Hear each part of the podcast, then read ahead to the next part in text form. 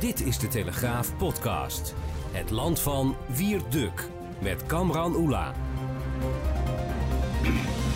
Wekelijks analyseert Telegraaf-verslaggever Wiert Duk nieuwsgebeurtenissen. Mijn naam is Kamran Oela, nieuwschef bij de Telegraaf en uh, presentator van deze aflevering. Op woensdag 22 mei, een dag eerder dan normaal. Dat heeft alles te maken met de Europese verkiezingen op, uh, op de donderdagmorgen. Want ja, Wiert, die uitslag die komt niet meteen. Die komt pas op zondag, dus we zouden niet echt daarover kunnen hebben. We dachten, laten we lekker een dagje van tevoren. Ja, als uh, opmaat uh, naar de verkiezingen. Ja, ja. Nou, vorige week al uitgebreid over uh, Europa gehad. Maar de opma- Bij geen pijl hebben ze trouwens morgenavond wel stemmen tellen. Hè? Dus dan ja. zijn er wel een soort van uitslagen. Ja, er komt ook sowieso een exit poll en zij gaan echt handmatig stemmen tellen, ja. geloof ik, op allerlei, allerlei plekken. Um, maar het is ook een beetje de opmaat vandaag, althans op deze woensdag, richting het debat met, tussen Baudet en, en Rutte. Ja. Kijk je uit naar het debat? Ligt de popcorn al klaar? Nou, ik ben in die zaal, dus oh. um, ik kan kijken hoe dat nou allemaal gaat en hoe zweterig en, en zenuwachtig al die mensen daar zijn. Je hebt een abonnement op de Rode dus, Hoed. ik ben, mijn, um, mijn oude oom, die, had een, die al lang overleden is, maar die had wel een abonnement op die Rode Hoed, geloof ik, ja. Dus we hebben er wel wat mee, maar nee, ik kan daar dus gaan, ik ben heel benieuwd, ik ben echt heel benieuwd wat voor publiek daar zit, hè, want ze mogen zo hun trouwste fans meenemen kennelijk. En ik ben ook heel benieuwd om te zien uh, om gewoon de, hoe dat nou gaat en de lichaamshouding en wie daar het beste de debatteert en zo. Het zijn toch twee hele goede debaters uh, tegenover elkaar. De Rutte zou op basis van zijn uh, ervaring en misschien ook wel zijn dossierkennis dit moeten kunnen winnen. Maar um, de populistische slagen zijn natuurlijk aan Baudet te maken. En daar mm. zijn mensen nogal eens gevoelig voor. Ja. En, um, want laten we even bij het publiek beginnen, want dat is interessant. Um, we hebben het wel eens eerder hierover gehad, het publiek van Baudet. Hè, dat hij ooit in, uh, in, in een kelder aan de gracht uh, lezingen gaf, ja. waar je ook wel eens bij bent geweest, jaren ja. geleden al. Mm -hmm. uh, dat, dat, die doelgroep van toen is ook wel heel erg gebleven. Dus gaan we vanuit die kant van Thierry ook 150, van Thierry Baudet ook 150 uh, jonge mannen zien die, uh, die Forum de voor Democratie vertegenwoordigen in de zaal? Zijn er 150 of 100? Dat is me niet helemaal duidelijk. Um, nou ja, kijk, er wordt nog alles gezegd van dat dit allemaal jonge rechtse mannen zijn. Uh, maar dat is nooit mijn indruk geweest. Ik ben uh, vrij veel bij die bijeenkomsten geweest, ook wel bij die, uh, bij die partijcongressen en zo. En dan zie je toch, toch gewoon echt een doorsnee van de Nederlandse samenleving. Dus juist wat opvallend is bij het Forum voor Democratie nu, dat is wat eigenlijk ooit begonnen is als een soort lees- en debatclubje in een souterrain aan de gracht in Amsterdam. Waar inderdaad wel veel studenten op afkwamen en wat, wat oudere, teleurgestelde VVD'ers. Dat was eigenlijk de samenstelling. Dat dat in veel opzichten is uitgegroeid tot een uh, volkspartij. Dus als je ziet bij die congressen, dan zie je daar niet alleen maar meer die studenten en die ontevreden VVD'ers, maar je ziet daar ook taxichauffeurs, loodgieters en tot aan he, hele succesvolle uh, ondernemers die miljonair zijn geworden. Dus je ziet er echt een, in die zin de samenleving. En al die mensen die delen natuurlijk het gevoel dat de gevestigde partijen hun belangen niet meer vertegenwoordigen. Nou, we weten allemaal op welke thema's. Uh, het, dat is dus heel interessant. En dan is het ook zo merkwaardig dat, uh, dat Baudet er telkens weer in slaagt om zelf in ieder geval de suggestie te wekken dat hij dan naar de rand van het debat verschuift. Omdat je zou zeggen, hij heeft al goud in handen hier. Uh, met deze mensen kun je het uh, doen. Hè? Hij staat nu in de peilingen als grootste partij. Dus uh, richt je daarop, dat zeggen nu inmiddels ook wel in de interviews, de, de, het kader van zijn partij. Hè? Die de Hazen Winkelman die terug is, die zei mm -hmm. ook tegenover Nieuwsuur deze week van joh, we zijn helemaal niet geïnteresseerd in dat e extreem rechts electoraat. Dat is ten eerste super klein. En wij merken dat heel veel gewone burgers, zeg maar, die helemaal niks van extremisme moeten hebben, dat die zich tot ons aangetrokken voelen. Dus ja, ik zou inderdaad denken van dat is de slag die je maakt. Daar, daarmee ben je ook, om die mensen strijd je ook met VVD en CDA natuurlijk. En PVV overigens ook voor een deel. Dus ja, daar moet je gaan zitten natuurlijk. Ja, het debat vindt nu plaats echt aan de vooravond van de verkiezingen. Dus het is zo ongeveer het laatste uur voordat ja. men uh, voor het Nederland naar bed gaat ja. uh, en wakker wordt op de, op, op de dag dat we kunnen stemmen. In de uitzending van Pauw formeel, hè? Ja, in de dus, uitzending uh, van Pauw. Ja, om dus, 11 uur. Ja. Um, wat, ja, wat, wat, wat denk je dat de impact daarop uh, gaat zijn? Denk je dat bijvoorbeeld morgen meer mensen gaan stemmen? Want het is natuurlijk wel echt, echt een hype ontstaan rondom deze uitzending. Nee, het grappige is natuurlijk dat heel veel van die hardwerkende Nederlanders die op rechts zitten, en dit zijn twee rechtse tot nog iets meer rechtse politici, althans zo worden ze gezien, dat die dan al naar bed zijn, want die moeten de volgende dag aan het werk. Dus die miljoen kijkers of nog wat meer die Pauw meestal trekt, en dat zullen er nu nog veel meer zijn, denk ik, vermoed ik. Uh, misschien is het helemaal niet hun electoraat. Um, dat weten we niet. Dus, um, maar ik denk wel, kijk, er is natuurlijk heel veel op, aan uh, op te merken hè, dat dit gebeurt. Want um, het, kan het is eigenlijk verkiezingsfraude ook. Je kunt niet uh, de, de, de minister-president van het land die uitgedaagd wordt door een nieuwkomer die in de peilingen zo hoog staat, die, die kun je eigenlijk niet dit, dit podium met z'n tweeën geven op de dag, de avond voor de verkiezingen. Daarmee grijpt die, die NPO natuurlijk enorm in eigenlijk in het, uh, in het verkiezings- in het campagneproces. Dus ik kan me de verontwaardiging bij die andere partijen heel goed voorstellen. Nu vind ik dat die andere partijen dan er maar in hadden moeten slagen om, uh, hè, om die koppositie met deze partijen te, delen. Jette en Klaver zijn op maandag bij Pauw in debat gegaan. Ja, dat, dat is wel zo, maar dit is, hè, dit is natuurlijk, dit, dit is, dat was het kinderdebat. Hè. Nu komen de grote mannen. Of de tenminste, zo wordt het nu geframed. Dus die indruk ontstaat ook. Zij mochten ook even aanschuiven. Ja. Maar ja, hier gaat het natuurlijk om. Jeroen Pauw, hè, die komt ook vanuit de studio naar een plek die die uh, hem, zeg maar, wordt toebedeeld. Ja, het wordt faciliteren veel, hè? Zij zeggen, hij, dat is volgens mij getwitterd vanuit het uh, account van Pauw ook. Ja. Uh, als ik het goed reproduceer nu. Ja. anders alvast excuses, dat ja. wordt ook tegenwoordig. Mm. maar wij faciliteren slechts het debat, heeft Pauw gezegd. Nou, luister eens. kijk, wij maakten een grap, hè, door te zeggen, laat ze maar naar deze studio komen. Dan kan Cameron Oela, die kan dan wel modereren, dat debat. Maar Jeroen Pauw, die bood zich via de account van Pauw gewoon letterlijk aan. Evenals Thijs van der Brink dat deed. Van, hè, die wilde dit maar wat graag modereren. Ze hadden ook kunnen zeggen, ja jongens, dat doen wij dus niet. Want uh, als, uh, als ras-echte democraten vinden wij niet dat we op deze manier moeten ingrijpen in het uh, campagneproces. Maar ja, zo werkt die mediacratie niet meer tegenwoordig natuurlijk. Hè. Dit, dit, is voor hun ook even weer een moment om te shinen, althans voor Jeroen. Maar toch uh, is hier heel veel op af te dingen. En, uh, en te meer ook, hè, vooral door, die, door, die, die kleine oppositiepartijen, die gaan zeggen: ja, maar luister eens, uh, Baudet die krijgt hier wel een enorm podium aange, aangewezen. Um, dus ik kan me voorstellen dat dat. Net desalniettemin zie ik er enorm naar uit. Ja. Dus al deze overwegingen kunnen ook weer van tafel. Want het is voor ons journalisten natuurlijk ook gewoon fantastisch, zo'n mm. zo'n debat. Dus dat, dat pept die die enorm saaie Europese verkiezingen.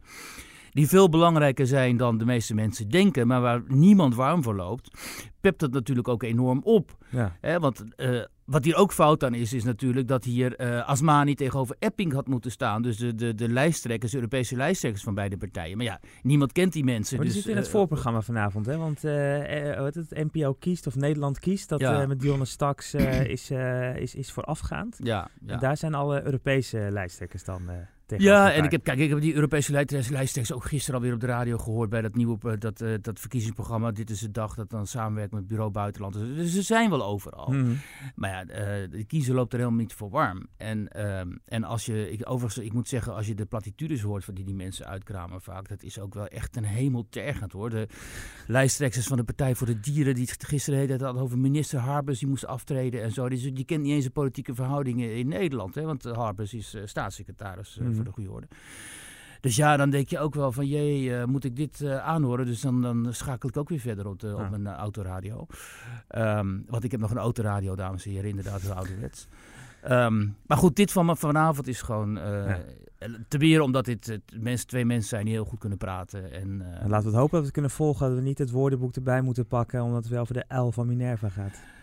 Nee, maar ja, Mark Rutte, die, Mark Rutte is weliswaar uh, historicus en geschiedenisleraar en kent die term ongetwijfeld ook, maar die drukt, drukt, zich, die drukt zich toch altijd wel uit in begrijpelijke, pragmatische termen. En hij schuwt enorm dat soort vergezichten, geloof ik. Dus uh, die compenseert het dan wel met op de met wat, uh, laten we zeggen, wat plattere of uh, gewonere taal. Nou, we gaan uitkijken naar, uh, we kijken uit naar het debat en we zijn benieuwd hoe het vanavond gaat en die verkiezingen de komende dagen lopen. Mark Rutte zat trouwens vanochtend vroeg alweer bij, bij WNL, dus het is een lange dag. Hij begon ja. bij de NPO vanochtend om 7 uur en eindigt rond middernacht ook weer bij de, bij de NPO.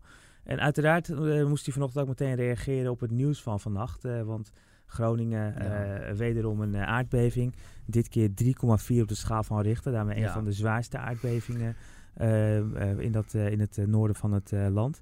Eh Wiert, je hebt eerder eh, verschillende slachtoffers gesproken Ja. in dat gebied, hè? Ja, ik kom daar nog alles in dat gebied. eh, en ik, ken, ik heb daar ook vrienden wonen en zo. En eh, wat mij zo verbaast, of verba- misschien is het wel logisch, maar wat mij toch wel enigszins zorgen baart ook, is dat in de rest van Nederland helemaal niet begrepen wordt eh, wat daar zich nu precies afspeelt. Want het is dus gewoon een nationale ramp. Hè? Dat heb ik al, eerder gezegd hier ook.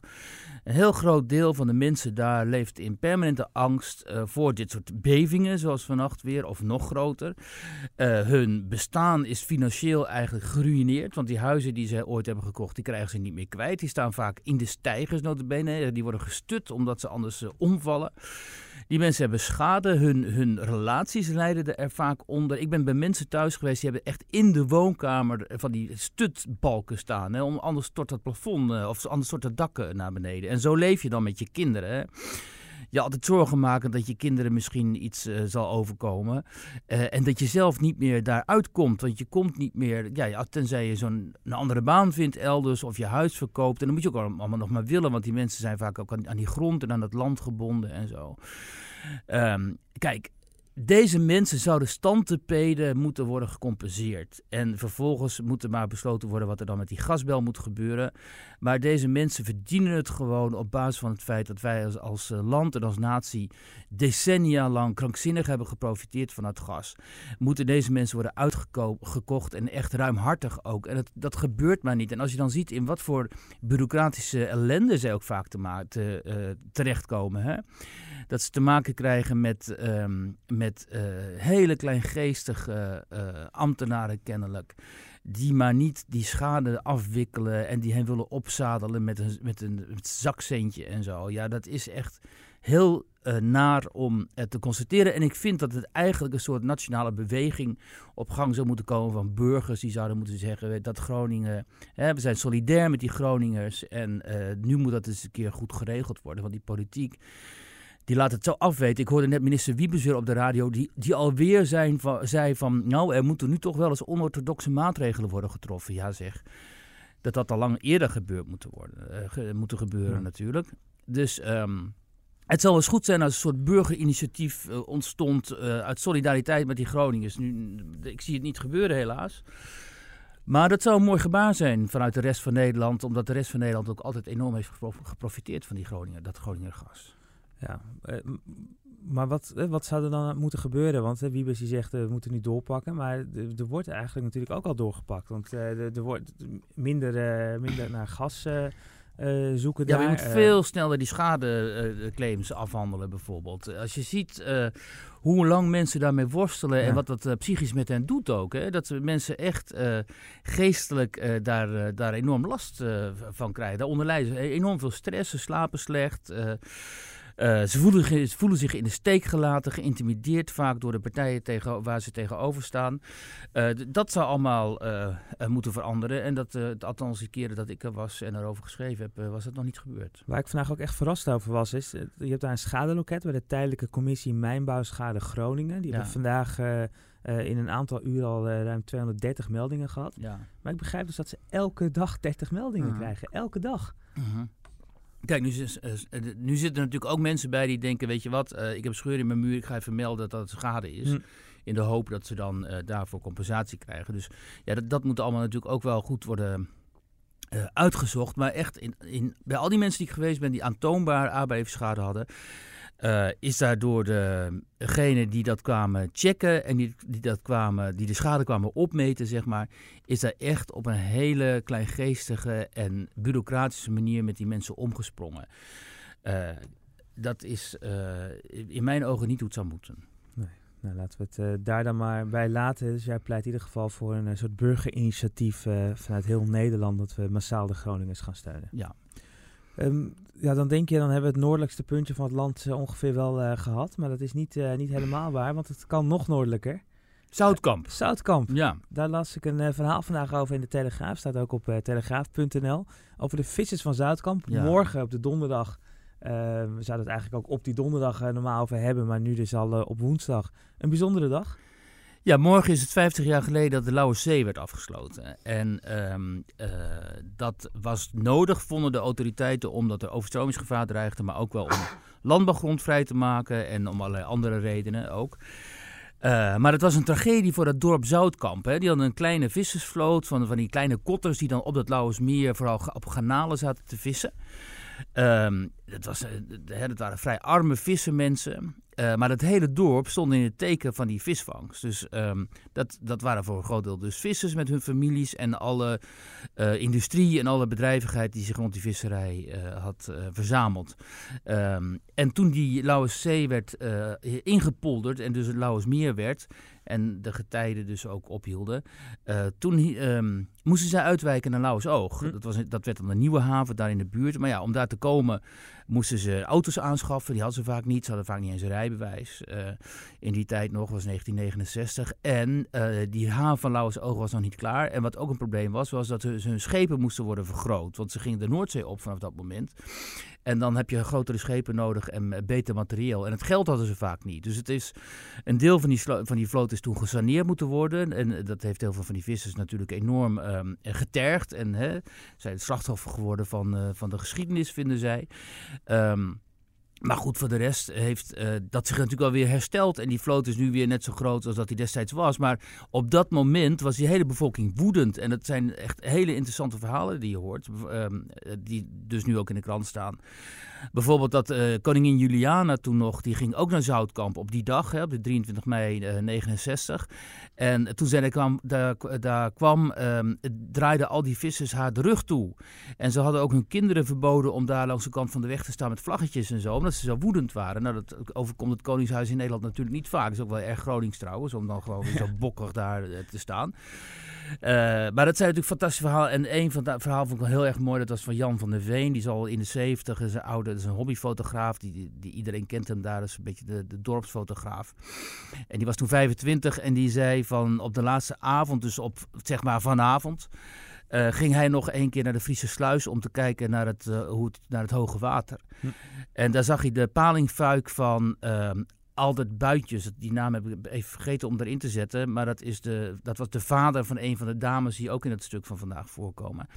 Die was op paling gaan vissen. En um, uh, hij zag daar een palingfuik en er was een zeemeeuw of een, een, um, een meerkoet. Nou ja, in ieder geval een meeuw. Die, was, die zat daarin vast.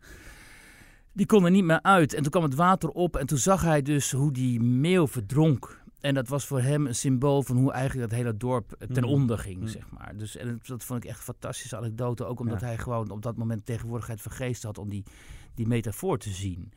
En veel van die mensen hebben dat soort verhalen daar. Echt, echt, weet je wel, dat ze de symboliek van dat, die ondergang zien en zo. En kunnen beschrijven ook. Er is ook een heel mooi visserijmuseum, wat ik iedereen kan aanbevelen.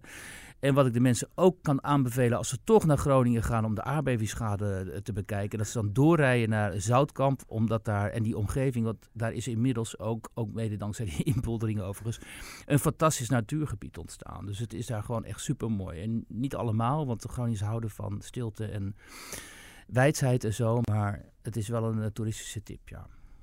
Echt is het ook wel weer eh, interessant dat 50 jaar later het, het, het eigenlijk wel weer terugkomt. Uh, weer het slachtoffergevoel. Uh, ja. maar ook dat we nu zeggen dat activisme dat er zo is. Hè, maar dat was dus toen ook al. Dat, dat gewoon de koningin de rug wordt uh, toegekeerd. Ja, dat is in de, in interessante observatie. Dat is zo. Ze voelen zich daar in de periferie natuurlijk al heel snel in de steek gelaten door Den Haag dat activisme heb je daar natuurlijk altijd gehad in die streken. In de Oost-Groningen had je de, wat communistische partijen, Finsterwolde is al heel groot. En Vreemijs is daar nog altijd een grote naam daar in die streek. Dus was altijd, die, die streek heeft ook iets heel rebels en tegendraads, wat ik ontzettend leuk vind.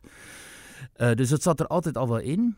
Uh, en, maar aan de andere kant ook is de cirkel ook wel rond doordat die vloot uit Zoutkamp die bestaat gewoon nog. En er zitten heel veel jonge mannen op die vloot. Als je de foto's ziet van die, van die vissers van nu, die hebben allemaal een ZK1 tot ZK zoveel. Hè? Dat zijn jonge kerels, dus die hebben gewoon, um, die hebben zich aangepast ook. Ze hebben zich weten aan te passen aan de eisen van de tijd. En ze komen morgen ook met die vloot uh, aanvaren. Eerste vlag half stok, net zoals toen. En dan gaat die vlag om drie uur s middags gaat dan omhoog. Om te laten zien, in de top, om te laten zien, we zijn er ook nog. En dat, ja, dat is natuurlijk echt uh, heel mooi gebaar eigenlijk.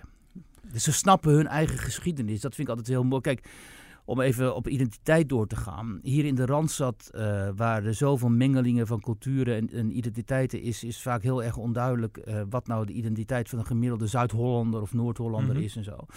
Maar in dat soort streken waar die gemeenschapszin heel groot is en waar generaties lang, hè, die, die vissersnamen ook, die, dat zie je al vanaf de 17e eeuw, dat zijn dezelfde namen die telkens terugkeren. En die, die generaties gaan telkens weer dat, die, die, die zee op. Dus eh, daar is een heel sterk gevoel van identiteit. En dat uitzicht natuurlijk in tijden van crisis. Hè, zoals de, als die mensen uit het Westen iets van hen willen.